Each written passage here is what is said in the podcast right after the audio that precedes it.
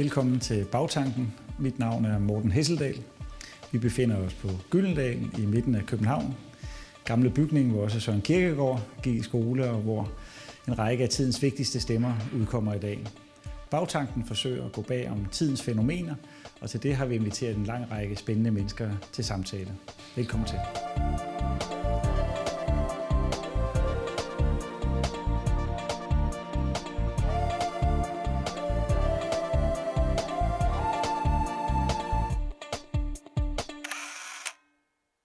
Velkommen til Bagtanken. Det er programmet, hvor vi ser bag om tidens fænomener og idéer. Og i dag skal vi tale om noget, som rigtig mange går op i og kan blive meget ophidset over, nemlig public service, og her især Danmarks Radio. Og vi har fået en veritabel ekspert i studiet, Christian Nissen, tidligere generaldirektør og aktuel med en virkelig spændende bog øh, om det seneste politiske forlig eller forhandlinger omkring øh, Danmarks Radios skæbne. Øh, det vender vi tilbage til. Ja. Du var generaldirektør i 10 år i. Danmarks Radio frem til 2004, og bliver med rette ligesom øh, udnævnt som den, der har løftet Danmarks Radio ind i en moderne medietid. Du samlede Danmarks Radio på Amager fra Gladsaxe og fra Frederiksberg, hvor man lå tidligere. Hvis vi nu starter lidt historisk, hvad var det for et Danmarks Radio, du kom til, og hvad var det, du gjorde ved Danmarks Radio i de år? Altså det er ret, det er ret enkelt. Nu siger du moderne. Ja, det var moderne dengang, det vi gjorde. Men det var i virkeligheden noget ret simpelt. Altså analysen af, hvad der skulle til, lå lige til højre benet. Nemlig, at vi skulle flytte Danmarks Radio fra at være en monopol, altså et, et, et, et, en virksomhed, som havde tvangsenlagte kunder, øh, til at være en radio- og tv-virksomhed, som indstillede sig på, at seerne, og for den sags skyld lytterne, havde en fjernbetjening, og de kunne skifte over til noget andet. Altså selvom monopolet på tv blev ophævet seks år før i 1988, så opførte DR sig, hvis jeg skal sige det lidt uartigt, som om DR stadigvæk var en monopolist. Så det var noget med selvforståelsen blandt medarbejdere og ledelse hos DR? Ja, det var, den måde, det var den måde, man redigerede kanalerne på. Altså, øh, DR skiftede stort set seere en 6-7 gange i løbet af en aften, øh, kunne vi se, når vi så på, på målingerne. Altså, vi havde et bredt program med, med Søren Ryge, med måske 800.000 seere, og så kom der et fremragende, og jeg mener det alvorligt, et fremragende balletmagasin af en dygtig, dygtig producer over i Aarhus, øh, som var verdenskendt. Så kom det øh, balletmagasin, og så forsvandt seerskaren ind fra de 800.000 med Søren Ryge til at blive 800, 900, måske 1000, der ikke havde andet at gøre. Seerne var væk. Og når så balletmagasinet var færdigt, og vi sagde, nu kommer der tv, nu kom tilbage, så var seerne i gang med at se øh, Olsenbanden på TV2 og så videre. Så det med at respektere, at tv-mediet er flow, som man siger. At man går fra det ene program, altså det, indtil videre, nu kommer alt det med streaming, det er noget andet. Men altså, det var noget, TV2 var fra starten indstillet på moderne fjernsyn, men Danmarks Radio øh, øh, havde simpelthen ikke altså, taget det skridt.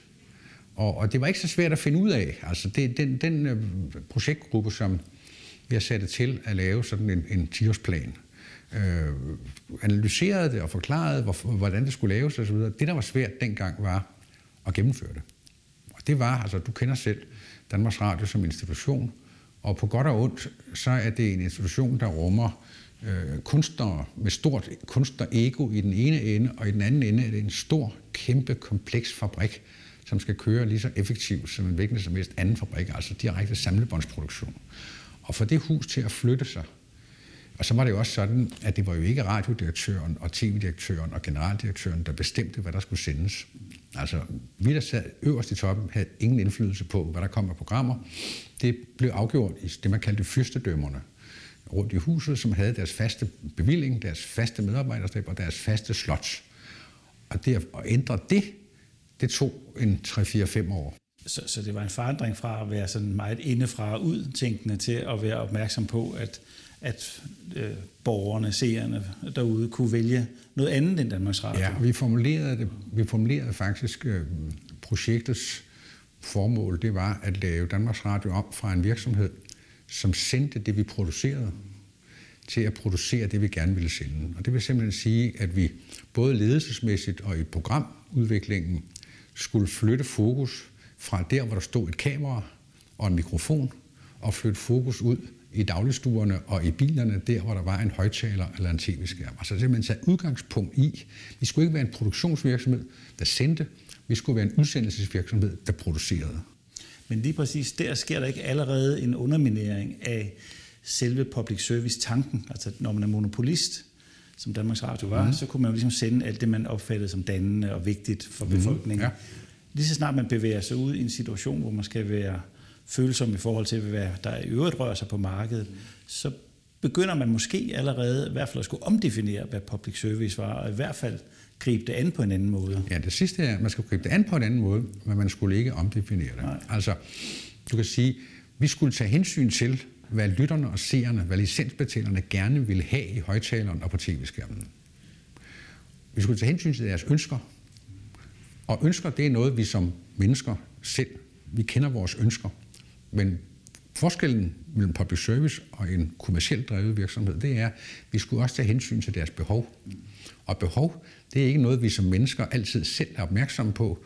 Det skal der være en vis form for bedre viden. Altså nogen, der på en eller anden måde har et højere formål. Og det mener jeg, altså det lagde vi vægt på. Altså derfor var det jo også karakteristisk, at, og det gælder de fleste, i hvert fald det nordvestlige hjørne af Europa, at hvis du ser det samlede udbud af programmer i radio og tv, så adskiller det sig markant fra en public service virksomhed i forhold til en kommersiel. Mm. Men er, det, er der ikke noget, noget i moderne tid noget provokerende over, der er nogen, der siger, at nu skal vi sætte noget på sendefladen, som vi tror er godt for jer? Altså er, er, er det der med at tage den gamle public service-tanke ind i en ny tid, og ligesom insistere på, at der er nogen, der ved bedre, mm. er, er det noget af det, man er op imod i Danmarks Radio i dag, at man ligesom bliver anfægtet af, at, at man slår sig op som bedre vidne? Jamen det, det er Danmarks Radio blevet kritiseret for øh, lige siden 1925, da Kammerslanger Holm etablerede det. Altså det var, det, på godt og ondt, var det jo, det var folkeoplysning.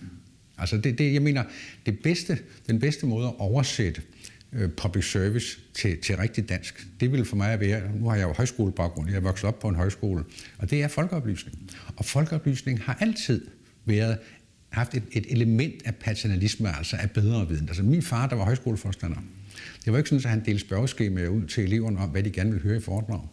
Altså, der var forskellige studiekredse, hvor man kunne vælge ind på emner, men når det var foredrag, så ville lærerne, der bestemte, hvad der skulle siges, og det foregik fra en talerstol, altså envejskommunikation. Så for mig var det ikke en vanskelig problemstilling. Altså for mig var det indlysende, at hvis vi bare sendte det, alle de andre sendte, så var der slet ingen mening. Og det var altså Jørgen Feldt Petersen, der har fødselsdag her øh, i de her dage, øh, formulerede det jo sådan, at public service, det forudsætter, at der er en public. Det vil sige, hvis ikke der er mange seere eller lyttere, så giver det ingen mening kulturpolitisk. Omvendt, hvis det bare er som alle de andre, så er det ingen service. Nej.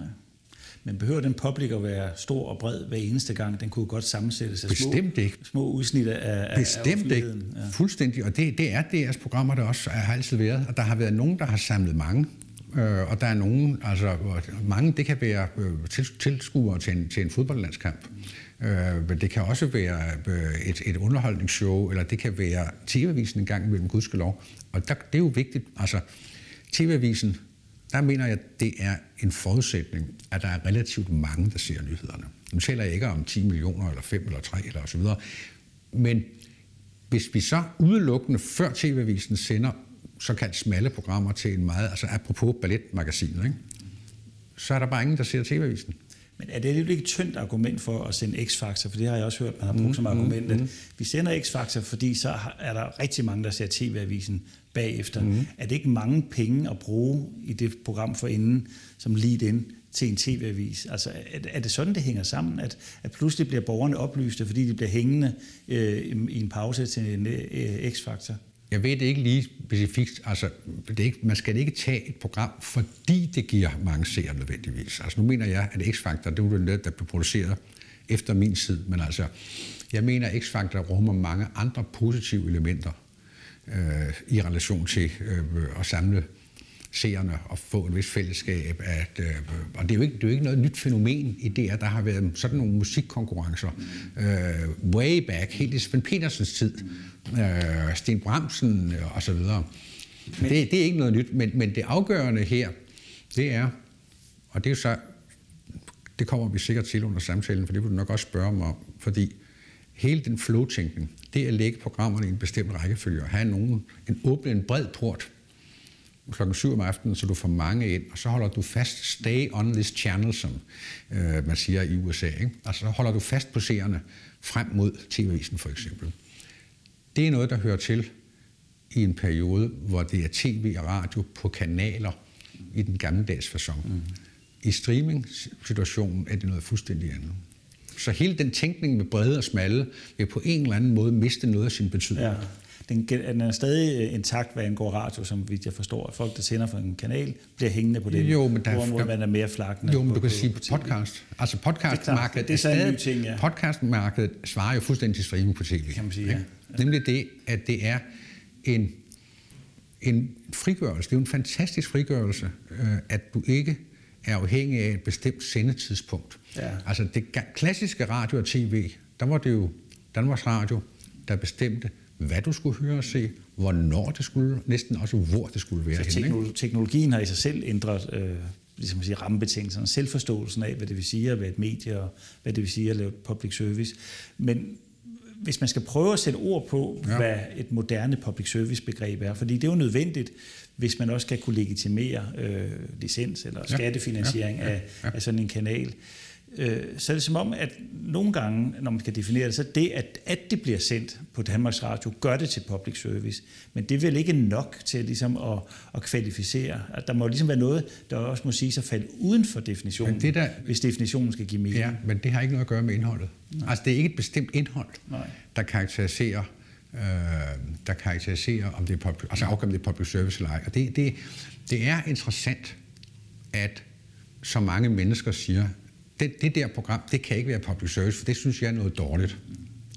Sådan reagerer vi jo ikke, når vi går ind på et folkebibliotek. Det er jo ikke sådan, at når jeg går ind på folkebiblioteket, jeg har, min første lønnede job, det var faktisk som bibliotekar, bogopsætter. Og der var jo masser af bøger, og er masser af bøger, man ikke kunne drømme om at låne, mm. men man ved, at der er de og de og de og de og den forfatter osv. Men så henvender man sig jo ikke til kulturudvalgsformanden i kommunen og siger, det er for galt. Der står en masse bøger på biblioteket, som jeg slet ikke interesserer mig for. Det markante forskel er vel også, at en Danmarks Radio skal jo kuratere, skal udvælge langt hårdere end en bibliotekar skal, som jo sådan set kan have hvad som helst på hylderne fra deres kapital til Kampf. Ja, men det, altså. det kan man jo faktisk også i, øh, i, i, i netop i streaming-situationen, hvor, ja. du ikke er, hvor du ikke er selv bundet. jeg tænker, at det er meget strammere at kuratere end, end på et bibliotek. Det er rigtigt. Altså nu kan du så sige, at, at, at det, det, de nærmer sig hinanden, for der bliver færre og færre bøger på bibliotekerne ikke? Øh, nu. Øh, men i princippet er det det samme. Og altså, en af de ting, der gør det vanskeligere, det er en svaghed i dansk, i dansk mediepolitik. Det er, at vi som seere og politikerne og kritikerne definerer det ud fra, at det er en særlig slags programmer. Og det er en misforståelse. Altså, øh, at, at gøre det. Og det, det, det er fordi, vi, vi har brugt, desværre bruger vi et engelsk ord, som i England betyder noget fuldstændig andet. Public service i den egentlige engelske betydning, det har noget at gøre med, at det er en særlig tjeneste for samfundet, som det offentlige tager sig af.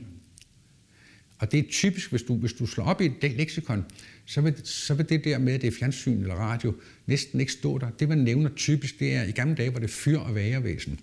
Og det var spildevandshåndtering, det var affaldshåndtering, det var øh, sygehuse og så videre. Ikke?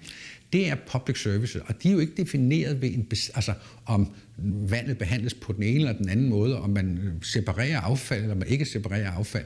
Det er en bestemt tjeneste, og det burde vi også gøre i Danmark. Og Danmark er formentlig det eneste ikke engelsktalende land i Europa, som bruger et engelsk begreb i vores lovgivning.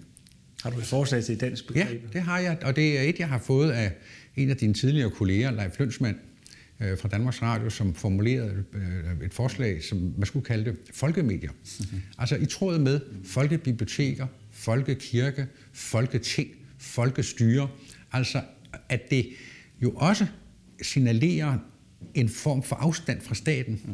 Fordi det farlige, det farlige er, synes jeg, i dansk mediepolitik, at staten breder sin indflydelse ud på en større og større del af medieområdet. Ja, for det vil jeg nemlig gerne bevæge mig ind i at tale ja. om nu. Øh, for i din vidunderligt øh, nøgterne bog, der redegør du for en masse meget lidenskabelige tilgange til Danmarks Radio. For der er ikke ret meget en der kan få politikere øh, op i det røde felt, som at diskutere Danmarks Radio. Mm. Mm. Hvad er det for nogle følelser, eller hvad er det for nogle... En, jeg tænker også en, en ændring i det politiske i forhold til Danmarks Radio, man kan konstatere de sidste 10 år. Altså det er jo nærmest som om, at, at det var en straffeekspedition, man var mm. ude i i forbindelse med de her besparelser. Mm. Altså, øh, de to begreber i bogens titel, altså politik mellem følelser og øh, fornuft.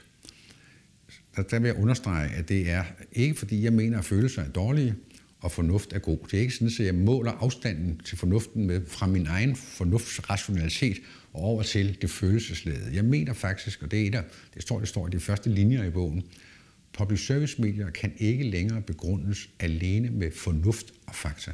Hvad mener du med det? Der mener jeg, at det basalt har noget at gøre med politisk idé. Og nu er ordet værdipolitik for mig i virkeligheden en, en positiv øh, betegnelse. Altså normalt bruger vi vores altså værdipolitik, det er, når det er gået helt galt, altså Dansk Folkeparti og så videre, og så videre. Det skal basere sig på politisk, altså en politisk holdning, en opfattelse af, hvilken rolle, hvad, hvad spiller samfundet, hvad er det, der forener os? Altså, hvad er det, der gør, at en nation består af mere end summen af et vist antal mennesker boende på et bestemt territorium?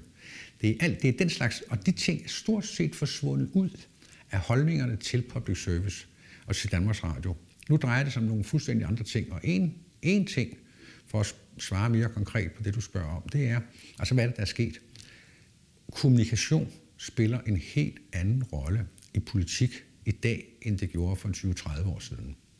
Altså, da jeg var ansat i Miljøministeriet en gang i forrige århundrede, var der Bo, Bo Maltesen, var halvtids øh, pressemedarbejder. Han kom om formiddagen nogenlunde samtidig med Ekstrabladet og BT, og så tog han en saks og sad nede på sit kontor, og så klippede han ud, hvad der stod i dagens aviser om miljø.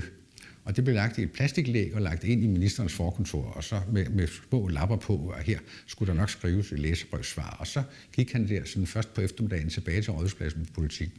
I dag der har BA Ministerium et pressekorps på 10-15 medarbejdere, der hele tiden følger, og, det, og meget politik bliver i dag tilrettelagt øh, på en sådan måde, at det ikke bare er, hvordan kommer vi ud med et eller andet politisk budskab, når loven er vedtaget, så vi kan forklare den. Det er også, hvornår skal den her lov, det, det, det lancere sig. Kommunikation spiller en kolossal rolle, og derfor, derfor har vi mødt de seneste år, at politikere og deres pressefolk er langt mere aggressive. Det er ikke kun mod Danmarks Radio, det gælder også mod dagspressen. Men det virker nu i særklasse til, at de er aggressive over for Danmarks Radio. Altså, det virker som om, at man fra alle partier, fra venstre til højre, har været meget, meget kritisk over for Danmarks Radio i en lang periode. Altså, der hvor man tidligere kunne identificere klare venner og allierede med Danmarks Radio, mm-hmm. så har det faktisk været umuligt at finde klare allierede til Danmarks Radio de sidste 5-10 år.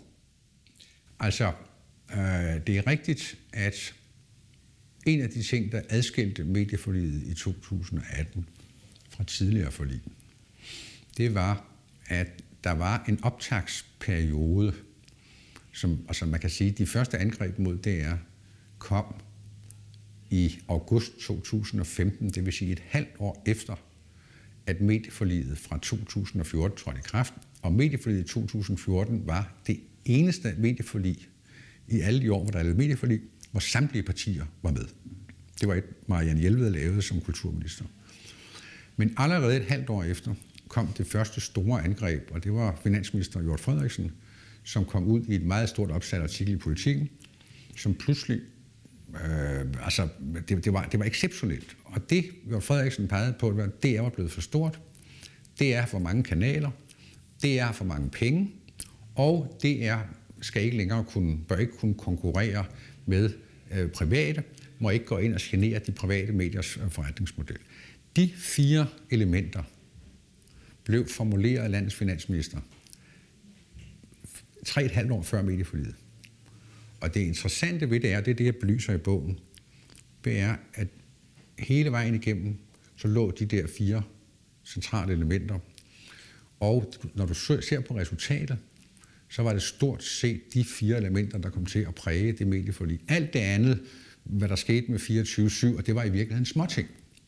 Det var, det var de fire elementer, og de fire elementer var ikke noget, Jørgen Frederiksen pludselig spontant fandt på det var, at en central aktør i hele lobbyspillet formuleret tre måneder før Jørgen Frederiksen udtalte dem i politik, nemlig af interesseorganisationen Danske Medier, altså dagbladenes øh, brancheorganisation. Så danske medier, de danske dagblade, har også spillet en stor rolle i den ændrede øh, opfattelse hos det politiske af Danmarks Radio. Ja. Men kunne man ikke også sige, at Danmarks Radio er som så mange andre af de store nationale institutioner, Skat, øh, DSB, øh, Folkekirken, øh, Kongelige Teater måske, øh, at det er nogle institutioner, som var engang, som engang var øh, omgivet af stor respekt og politisk opbakning, men som alle sammen i en eller anden forstand står, og i hvert fald om ikke er ved at kollapse, så i hvert fald skal genopfinde sig selv, fordi der ikke er den samme respekt om institutionerne som tidligere, fordi verden er blevet mere individualiseret, internationaliseret, og så der er noget af det fællesskab, som en public service institution som DR naturligt øh, agerede i, det er forsvundet, det fællesskab det naturlige fællesskab, som også gav os de her nationale institutioner. Er det ikke bare en ny tid, vi har? Den er ny på mange måder, men øh, jeg tror, altså hvis man ser på de målinger, der gennemføres om, hvad befolkningens, altså hvad borgernes syn på DR og holdning til DR er, så er det jo interessant, at øh, der er en fa- fantastisk opbakning. Altså, der, der er øh, i alle undersøgelser, og det er ikke nogen, jeg tænker ikke bare på noget, det er selv laver osv., men altså også de undersøgelser, som bliver gentaget med det samme spørgsmål år efter år efter år, der ligger DR ekstremt højt. Både når man spørger borgerne om, hvad de selv synes, om det er personligt, om, og også spørger dem om, hvad, hvilken betydning har det for samfundet, for Danmark, for, for Danmark så ligger det ekstremt højt. Og, og øh, det interessante ved det var, at i lige præcis i 2016 og 2017, da den meget kraftige pressekampagne med den flyvende hest og øh, generaldirektørlønninger og direktørlønninger og alt det der andet, der viser de målinger et dyk, et lille dyk ned. Og så to år efter, i 18 allerede, der er det op på det samme niveau. Så altså, i den forstand, øh, øh, det er rigtigt, at, at verden og samfundet og medierne og alt muligt andet ændrer sig utrolig meget, men man kan, og man kan bestemt have den holdning. Altså, øh, nu er jeg personligt, jeg er ikke bare liberal, jeg er liberalist med hensyn til mediepolitik, for jeg mener, at staten i dag blander sig i alt for meget. Og staten breder sin indflydelse ud på større og større dele af medieområdet. Jeg synes, man skulle trække sig tilbage til et hjørne. Et, et, et, et public service er for mig en korrigerende, supplerende faktor i et ellers frit marked. Og det gælder i endnu højere grad på medieområdet, end det gør på alle andre områder. Er du så også bekymret over, at licensen er afviklet og erstattet af... Ja, men det er lidt andet. Altså, ja. det, vil jeg godt, det vil jeg godt kommentere senere, for det har noget at gøre med armslængden og hvor meget staten blander sig i konkret, i et konkret medie. Men, men øh, det afgørende er, hvis man siger, og der, jeg mener, når jeg, når jeg lægger vægt på, at, eller påstår i bogen, at øh, man ikke kan begrunde public service udelukkende med fakta og rationalitet, men det kræver følelser og idéer, så, er, så kan jeg illustrere det. Fordi man kan sige, i dag, hvor der er, public service var i virkeligheden, blev skabt i forrige århundrede i industrialismens tankesæt og væremåde. Det passer som fod i hose. Altså det er ikke tilfældigt, at man jo har døbt tv som et massemedie. Det blev distribueret ud på en måde, som gjorde, at, at det var statsradiofonien, der bestemte, hvad du skulle se og høre, og hvornår det var. Det var betalt kollektivt over skat eller licens. Det passede fuldstændig ind i industrialismens tankegang. Nu er vi i en, i en, en postindustrialisme, hvor man kan sige, jamen, teknikken gør, at nu behøver vi ikke at se det kollektivt. Det er ikke et massemedie i den forstand, at vi sidder og ser det samme.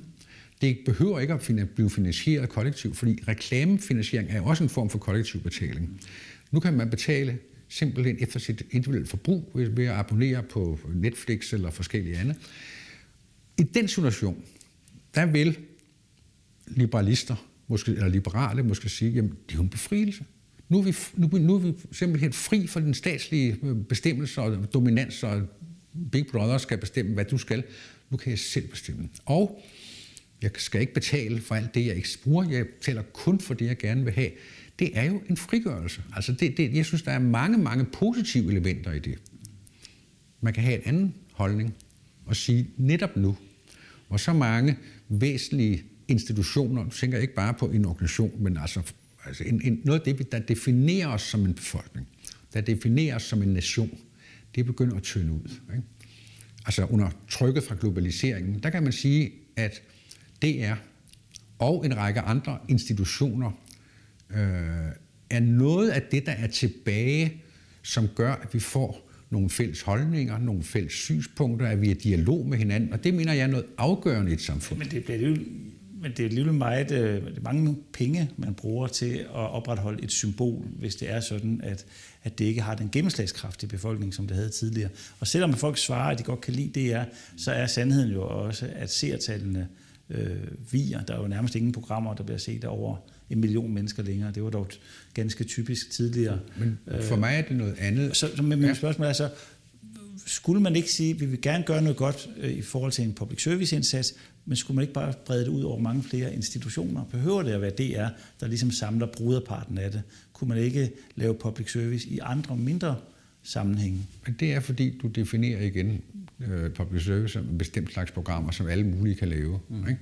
Og du kan sige, det interessante er jo, at der i de senere år, som en reaktion mod neoliberalismen, New Public Management. Altså New Public Management er jo karakteriseret ved, og jeg var ansat i Finansministeriet, da vi begyndte at øh, arbejde med de tanker, det var jo at sige, jamen, øh, den, den her ydelse, det kan være et plejehjem, det kan være et drift af et fængsel, det kan være en børnehave, det betales af det offentlige, men vi kan lade det private marked øh, øh, øh udføre det.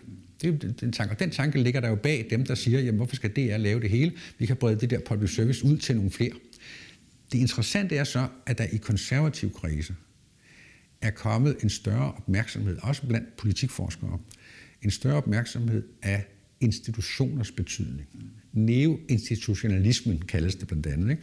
Fordi man siger, jamen, det at få en form for ansvarsfølelse øh, i relation til offentlige ydelser, altså give borgeren en følelse af, der er nogen, der er ansvarlige, der er nogen, jeg kan, jeg kan identificere, hvem der er accountable.